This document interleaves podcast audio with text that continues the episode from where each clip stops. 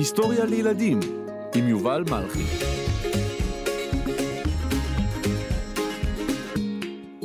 דבורה עומר. שלום ילדות, שלום ילדים. היום אני רוצה לספר לכם על אחת הסופרות הכי פופולריות שחיו בישראל. היא כתבה קרוב למאה ספרים שונים, לפעוטות, לילדים ולבני נוער. היא החלה לכתוב שירים וסיפורים כשהייתה בת 11, ומאז לא הפסיקה.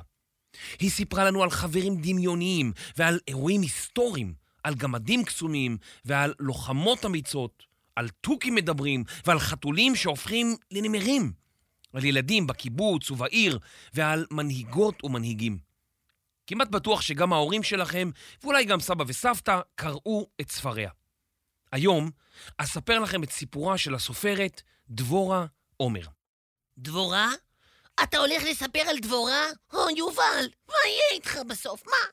אה, פיצקי, מה קורה? למה, למה לא לספר על דבורה? מה, ילדים מפחדים מדבורים. לא, פיצקי.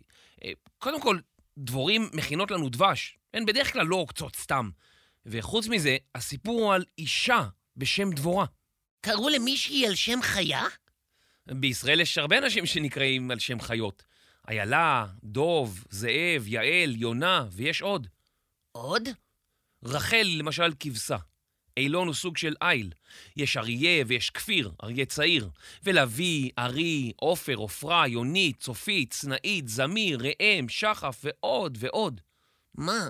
לא ידעתי שיש כל כך הרבה אנשים עם שמות של חיות. כן, אם תרצה אפשר להוסיף גם לך שם של חיה. איזה? פרא, שם טוב. מה זה בדיוק? חמור בר. חמור? יובל, אתה רצית לתת לי שם של חמור? חמור בר. לא, פיצקי, לא, אל תרדוף אחריי. פיצקי, לא, לא, פיצקי, סליחה, סליחה, פיצקי. לא, לא, אל... לא לדקדק, לא. פיצקי, לא לדקדק אותי, פיצקי, די, די. סליחה, סליחה. דבורה מוסינזון, לימים דבורה עומר, נולדה בארץ ישראל בשנת 1932. אביה משה היה עיתונאי וסופר. דוד שלה, יגאל, היה גם הוא סופר, שהתפרסם כמי שכתב את סדרת ספרי הילדים הפופולרית חסמבה, חבורת סוד מוחלט בהחלט. כך שכישרון הכתיבה בהחלט זרם במשפחה. ההורים שלה התגרשו כשהיא הייתה תינוקת קטנה, בת שנה, ודבורה ואימה לאה עברו להתגורר בקיבוץ מעוז חיים בעמק בית שאן. אמה של דבורה התחתנה מחדש, וכשדבורה הייתה בת עשר, נולדו לה אחים תאומים, אסף ונדב. באותן השנים, ישראל עדיין לא הייתה מדינה עצמאית, אלא הייתה נתונה לשליטת המנדט הבריטי. קבוצות רבות נאבקו בשלטונות הבריטים, מתוך כוונה לגרשה מישראל ולייסד כאן מדינה. גם אמה של דבורה, לאה, הייתה פעילה באחת הקבוצות האלה, הארגון הצבאי הגדול ביותר של היישוב היהודי בארץ ישראל, ההגנה. הפעילות והפעילים בארגון פעלו כדי להשיג נשק, התאמנו בירי והחביאו את כלי הנשק מהבריטים במחבואים שונים ומשונים שכונו סליקים. למשל, מתחת למתקן לשאיבת שתן של פרות, או בתוך ארון הקודש בבית הכנסת. כשדבורה הייתה בת 11, אמה נהרגה בתאונת ירי באימון של ההגנה. אבל כיוון שפעילות ההגנה הייתה חשאית, אסור היה שהבריטים ידעו על האימונים בנשק. דבורה שמעה שהייתה תאונה, שאימה לקחה את חייה בידיה. אבל היא לא ידעה באמת מה קרה לאימא שלה. אביה משה לא היה בארץ באותה תקופה. הוא שירת כחייל בצבא הבריטי. רבים מתושבי ארץ ישראל התגייסו לצבא הבריטי כדי לעזור להם במלחמתם כנגד הגרמנים במלחמת העולם השנייה. אבי היה עצוב ואבל, אבל נשאר בצבא הבריטי. דבורה הרגישה בודדה ומבולבלת והתקשתה למצוא נחמה. כדי להירגע בשעות הקשות, הייתי ממציאה לעצמי סיפורים, סיפרה דבורה. וכך, כבר בגיל 11 החלה לכתוב.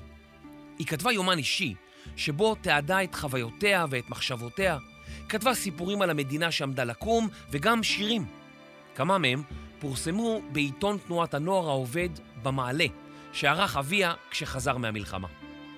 אבל למרות שהכתיבה ליוותה אותה והפכה לחלק ממנה, דבורה מעולם לא חשבה שתהיה סופרת. היא תמיד דמיינה את עתידה בתפקיד שתורם למפעל הקיבוצי, לקיבוץ שלה. בקיבוץ חשבו שתהיה מבשלת. והיא חשבה, אולי אהיה סנדלרית? ואולי מטפלת בפעוטות? אולי נהגת טרקטור? בקיבוץ של פעם, החלטות היו מתקבלות בעיקר על ידי חברת הקיבוץ כולה, ולא על ידי אדם בודד. הקיבוץ התאים את הצורך שלו לפי מה שהיה נחוץ לקיבוץ. אחרי שירותה הצבאי, אספת החברים בקיבוץ החליטה שדבורה צריכה ללמוד הוראה. לא חשבתי מעולם להיות מורה, סיפרה דבורה, ולא הייתי תלמידה טובה בבית הספר. אבל בקיבוץ כנראה ראו בי משהו שאני עוד לא ראיתי בעצמי.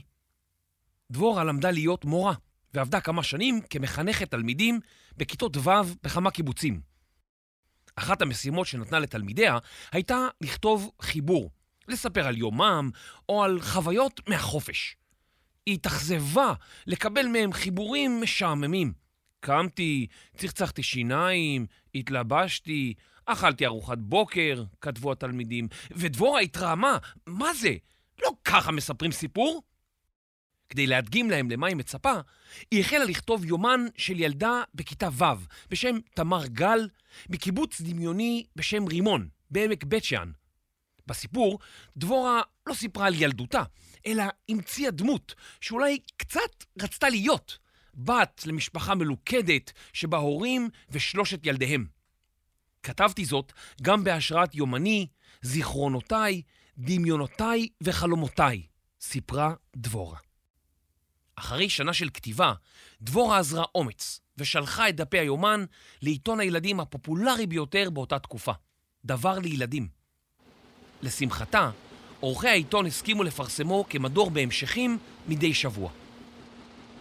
המדור, דפי תמר, זכה להצלחה גדולה, והקוראים עקבו בדריכות אחרי חייה של תמר, שיומנה התחיל כך: אתמול מלאו לי 11 שנה. אבא, אימא והילדים ערכו לי חגיגת יום הולדת צנועה. אמא אהבת עוגה, ואכלנו דברים טובים, ושתינו מיץ. כמובן קיבלתי גם מתנות יפות. סבא וסבתא שלחו לי בדואר חבילה מיוחדת בשבילי. קיבלתי אותה בערב, והיו בה שעון ומכתב. השעון הוא נהדר, שמחתי כל כך. אני כבר הילדה השלישית בכיתה שיש לה שעון. כל הערב הסתכלתי בו, וכל אחד שאל אותי, מה השעה, תמר? בעקבות ההצלחה, החליטה דבורה לנסות להדפיס את היומן גם כספר. היא חיפשה בספר הטלפונים של אז שם של מוציא לאור, אדם שמדפיס ספרים. כשנתקלה בשם של מוציא לאור, שלחה לו את כתב היד שלה וקיבלה מכתב בחזרה. היא התרגשה, אבל המכתב היה איום ונורא. המוציא לאור כתב לה, איזה שטויות את כותבת. דבורה בכתה, והדמעות שלה זלגו על המכתב. היא נעלבה, ורצתה לקרוע את כל מה שכתבה. אבל בן הזוג שלה שכנע אותה לא לוותר. היא שלחה את כתב היד להוצאה אחרת, שדווקא התלהבה.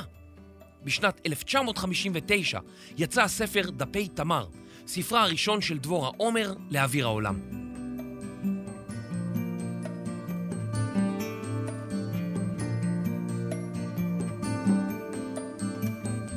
הספר זכה להצלחה גדולה, ואפילו זכה בפרס הספרותי המכובד ביותר באותה תקופה. פרס יציב לספרות ילדים. ועם זאת, דבורה מעולם לא שכחה את מכתב הדחייה המעליב. היא תלתה את המכתב המוכתם בדמעותיה בחדר העבודה שלה, ולצידו תלתה את תעודת הפרס. עשיתי זאת כדי שאזכור ולא אשכח, כי להתייאש ניתן תמיד, ולכן מוטב לא למהר לוותר על חלומות. ומאז, דבורה לא ויתרה על חלומותיה, ולא הפסיקה לכתוב. בשנה אחת בלבד, 1967, פרסמה דבורה חמישה ספרים שונים. את ההמשך הרביעי והאחרון לסדרת דפי תמר. את מעשה בלולי ה... שסיפר על חברות בין ילד לבין חתול שמצא, שבהמשך מתגלה כנמר. את הספר הרפתקאות עומרי במקסיקו, ושניים מהספרים הכי מוכרים שלה, שרה גיבורת נילי, סיפורה של שרה אהרונסון, ופעילותה במחתרת הריגול נילי, שנאבקה בשלטון העות'מאני הטורקי בארץ ישראל בתקופת מלחמת העולם הראשונה. ועוד ספר, הבכור לבית אבי, שסיפר על אליעזר בן יהודה, מחיי השפה העברית, ועל בנו איתמר בן אבי, הילד הראשון שגדל יחד עם השפה העברית. דבורה עומר הקדישה זמן ומאמץ לביצוע תחקירים לספריה ההיסטוריים, וטענה בתוקף שכל נושא שיש לו סיפור, אפשר לקרבו לילדים. היא אמרה שיש נושאים רבים שהילדים לא יקבלו בדרך של היסטוריה, אבל יקבלו בדרך של סיפור. היא נהגה לכתוב בזמן שילדיה היו בבית הספר, מ-8 בבוקר ועד שעות הצהריים כשחזרו הביתה. כשבתה טלי הייתה חוזרת, היא הייתה מבקשת מאמה לקרוא מה שכתבה באותו בוקר. לעתים, כדי לכתוב סיפור, דבורה הייתה לומדת את הנושא לעומק. כשכתבה על חיל הים, ביקרה בצוללת, ואף הפליגה עם החיילים כדי ללמוד על חייהם ועל המשימות שלהם. הסיפורים של דבורה עומר היו סיפורים היסטוריים, אבל היא הכניסה בהם שיחות ורגשות שהיא חשבה שהתרחשו. היא סיפרה שהיא מציירת סיפורים. היא לוקחת פרשה ידועה או דמות ומציירת אותה בצבעים שלה, בהדגשים שלה. דבורה אמרה כי הסיפורים שלה מבוססים על המציאות, אבל כפי שהיא רואה אותם, וכדי שהם יהיו מעניינים, היא מוסיפה להם דברים מפרי דמיונה. הנה למשל קטע מהפרק הראשון של הספר, הבכור לבית אבי. תראו כיצד עומר הופכת את הסיפור ההיסטורי על גידול הילד העברי הראשון לדרמה משפחתית מותחת ומרגשת. ביו, ביושקי, ביו, נלאז'יסה נקראיו, פרידיוסי... דבורה! הרעים עליה אליעזר בקולו. מה את עושה? מעודה לא ראתה אותו נרגז כל כך. פניו עטו גוון סגול, שחור, נורא למראה. את הנייר שהחזיק בידו קרע בכעסו לפיסות קטנות והשליחן על הרצפה. את שרה לו את השיר הזה? הרי אסרתי עלייך. איך העזת? את עוללת כזאת לבני? קלקלת את כל מה שבניתי. שלחת יד בנפש הילד. הוא התקרב אליה, כולו רועד מכעס. עתה התחיל משתעל ומשתנק בשיעולו הנורא. קצף הדמדם עלה על שפתיו. הוא לפת את חזהו, כמתמוטט מעוצמת הכאב. אליעזר, אישי! מיהרה אליו דבורה. צורי מעל פניי! הוא דחף אותה בגסות, ודבורה כמעט נפלה על הארץ. הילד, כמו חש כי דבר נורא מתרחש בחדר. הוא קם ממיטתו בבעתה ומיהר אל אמו. וכאשר ראה את הדמעות הנוטפות מבעד לאצבעותיה, נפנה אל אביו ואמר בקול מצווה: אבא, אתה לא כועס, אבא. אסור, אבא. דבורה, דבורה! שמעת? אליעזר חש אל בנו והרימו בזרועותיו. הילד דיבר, הוא אמר את המשפט הראשון שלו. שמעת? הוא דיבר, חיבקה האם את בנה, ודמעות הכעס והעלבון היו עתה לדמעות גיל, דמעות של שמחה. הוא לא יהיה אילם, הוא יהיה ככל הילדים, ידבר כמו כולם. ילדי שלי. הוא היטיב לדבר מקול, עוד תראי, אמר אליעזר בבטחה. ההורים המאושרים והנרגשים השכיבו את בנם במיטתו ויצאו מן החדר. אליעזר סר אל חדרו ואמר להמשיך בעבודתו. רבה המלאכה לפניו, ועליו להשלימה. הילד שפתח היום לראשונה את פיו במילים ברורות, הוכיח כי הוא, בן יהודה, צדק. הכל חושבים אותו לאב המתאכזר אל בנו יחידו, לאדם חסר לב, לכופר ואפילו למשוגע. אולם הוא יודע כי אפשרי הדבר. עליו להוכיח להם שאפשר לעשות מה שנראה בלתי אפשרי. כפי שאתם מבינים, דבורה עומר לא הייתה שם, והשיחה כנראה לא התקיימה במילים האלה. אבל דבורה הצליחה להעביר לנו מסר ולגרום לנו להתעניין בתקופה ובאנשים. דבורה עומר כתבה עוד ספרים היסטוריים רבים, בין השאר כאלה שעסקו במנהיגים כמו בנימין זאב הרצל, דוד בן גוריון, מנחם בגין ויצחק רבין. ובכולם סיפרה את הסיפור ההיסטורי כסיפור. סיפור מרתק. מה הבעיה? או, שלום פיצקי. גם לי יש סיפורים היסטוריים מרתקים, ממש. באמת? ברור. דוד שלי שלמה, למשל, נו, הוא קנה מגפיים בפתח תקווה לפני 30 או 40 שנה. אוקיי. ואז הוא דרך בשלולית. כן?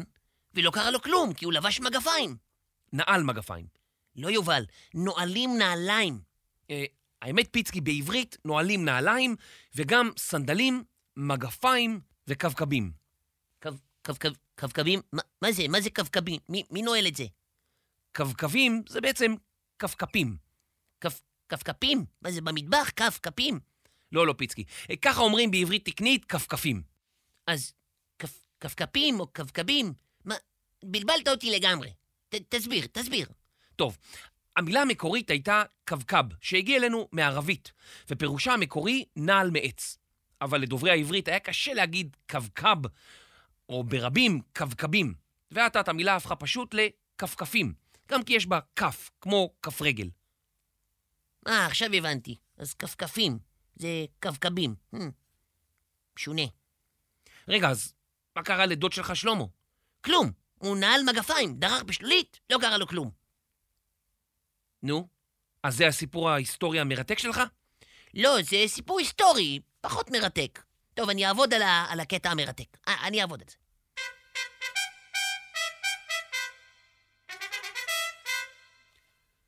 דבורה עומר כתבה ספרים רבים גם לפעוטות, כמו הנשיקה שהלכה לאיבוד ומגדל של קוביות בניתי.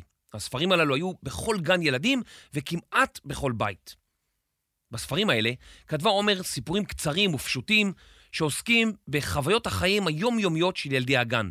הפרידה מההורים בהגעה לגן, הולדת אח קטן, מוות של חיית מחמד, התמודדות עם כעסים, אכזבות, פחדים, פצעים ועוד.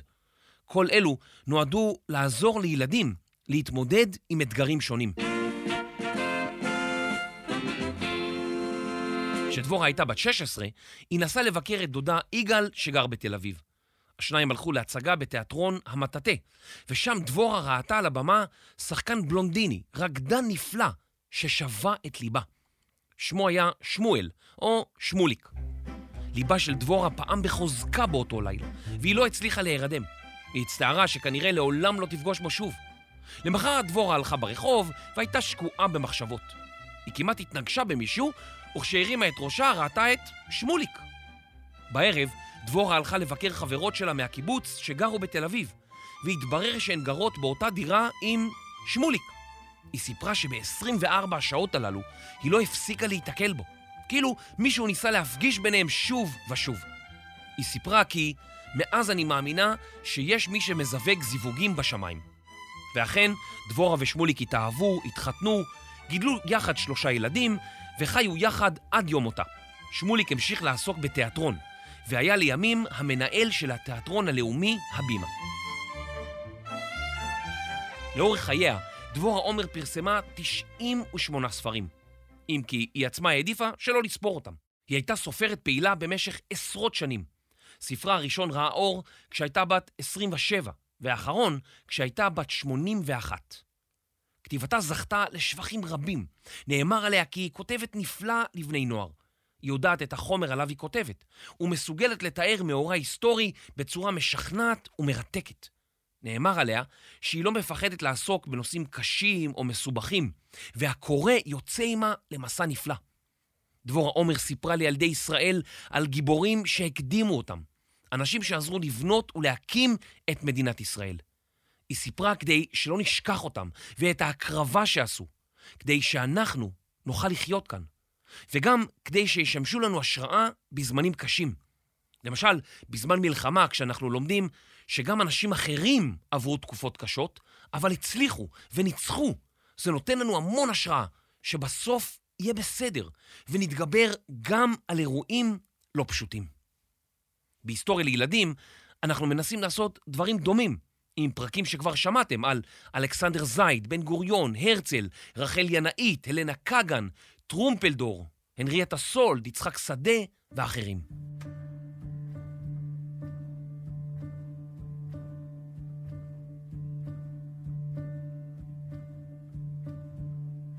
לאורך השנים זכתה עומר בפרסים ספרותיים רבים. ספריה הודפסו במהדורות רבות, וחלקם אף עובדו להצגות מצליחות. כמה מספריה תורגמו לשפות שונות, ביניהן אנגלית, יפנית, הולנדית, רוסית ופינית. בשנת 2006 זכתה עומר בפרס הגדול מכולם, פרס ישראל, על מפעל חיים, ההכרה החשובה ביותר ליוצרים בישראל. אולי יום אחד גם אתם תזכו בפרס הזה. העולם השתנה מאוד בימי חייה של עומר. נסו לדמיין ילדות בקיבוץ לפני הקמת המדינה, לעומת ילדות עירונית כיום. נסו לדמיין משחקים בחוץ, לעומת משחקי המחשב. נסו לדמיין כתיבה ביומן, לעומת התכתבות בוואטסאפ.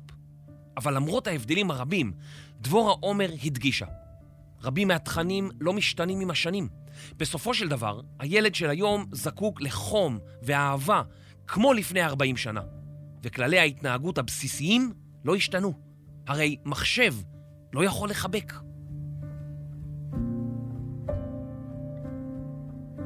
דבורה סיפרה שכאשר היא כותבת סיפור, היא חייבת להרגיש את הסיפור. כשאני כותבת, אני מספרת סיפור, וזה סיפור היסטורי, ולא פרק בהיסטוריה, היא אמרה. אז אני צריכה לחשוב ולהרגיש שכל הדברים שקרו שם, קרו גם לי. פעם, כמבוגרת, הגדירה את עצמה כילדה עם גשם בעיניים. גשם של דמעות. הבן של אהרון סיפר עליה. הייתה תקופה שהייתי מגיע מבית הספר, הייתי רואה אותה עם מלא מלא טישואים ועיניים נפוחות. וזה היה נורא נורא מבהיל אותי. והייתי אומר לה, אמא, מה קרה עכשיו? ואז היא הייתה אומרת, לא, לא, זה היה, היום כתבתי, וזה היה נורא נורא עצוב. אני אספר לכם שלא מזמן יצרתי סדרה לגדולים בשם יציאת אתיופיה, וגם שם, כשערכתי את הפרקים, חלק מהסיפורים היו לי כל כך מרגשים, שגם לי היה גשם בעיניים. רחובות ובתי ספר רבים בישראל קרויים על שמה של דבורה עומר. משרד התרבות והספורט מעניק מדי שנה את פרס דבורה עומר לספרות ילדים ונוער, שניתן לסופרות וסופרים לילדים ונוער, וכן לסופרים וסופרות שספריהם היו המושאלים ביותר בספריות הציבוריות. אז נסו לקרוא לבד או עם ההורים את אחד מספריה של דבורה עומר. תחליטו אתם אם תרצו לקרוא ספר היסטורי כמו הבכור לבית אבי או שר הגיבורת נילי, ספר הרפתקאות כמו לאן נעלם קפיטן קוק, או ספר דמיוני כמו כל מה שקרה אולי, וכל מה שהיה כמעט לקרשינדו ולי. כך או כך, אין כמו לצלול לתוך ספר טוב, לטייל בעולם ובהיסטוריה, בלי לצאת מהבית. ולסיום, הנה טיפ חשוב של דבורה עומר לכותבים. דבורה סיפרה כך: אני יודעת שאני צריכה להתחיל באיזושהי דרמה. אי אפשר להתחיל בפעם היה זה, ובשנת זה וזה. צריך להתחיל בדרמה. זה חייב להתחיל בדרמה. אז לסיום, הנה ההתחלה של הספר דפי תמר.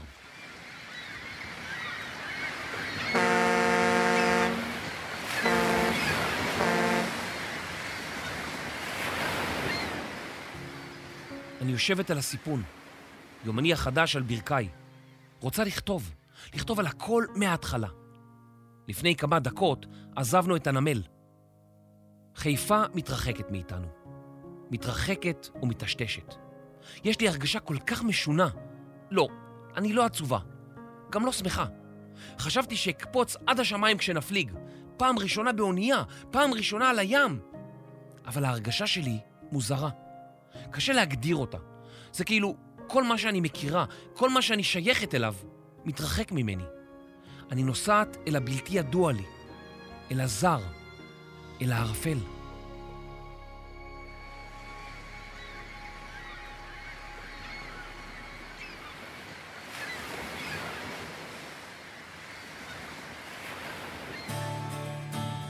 מחקר, כתיבה, וככה זה כן תשובה. תמר נויגרטן פולגר.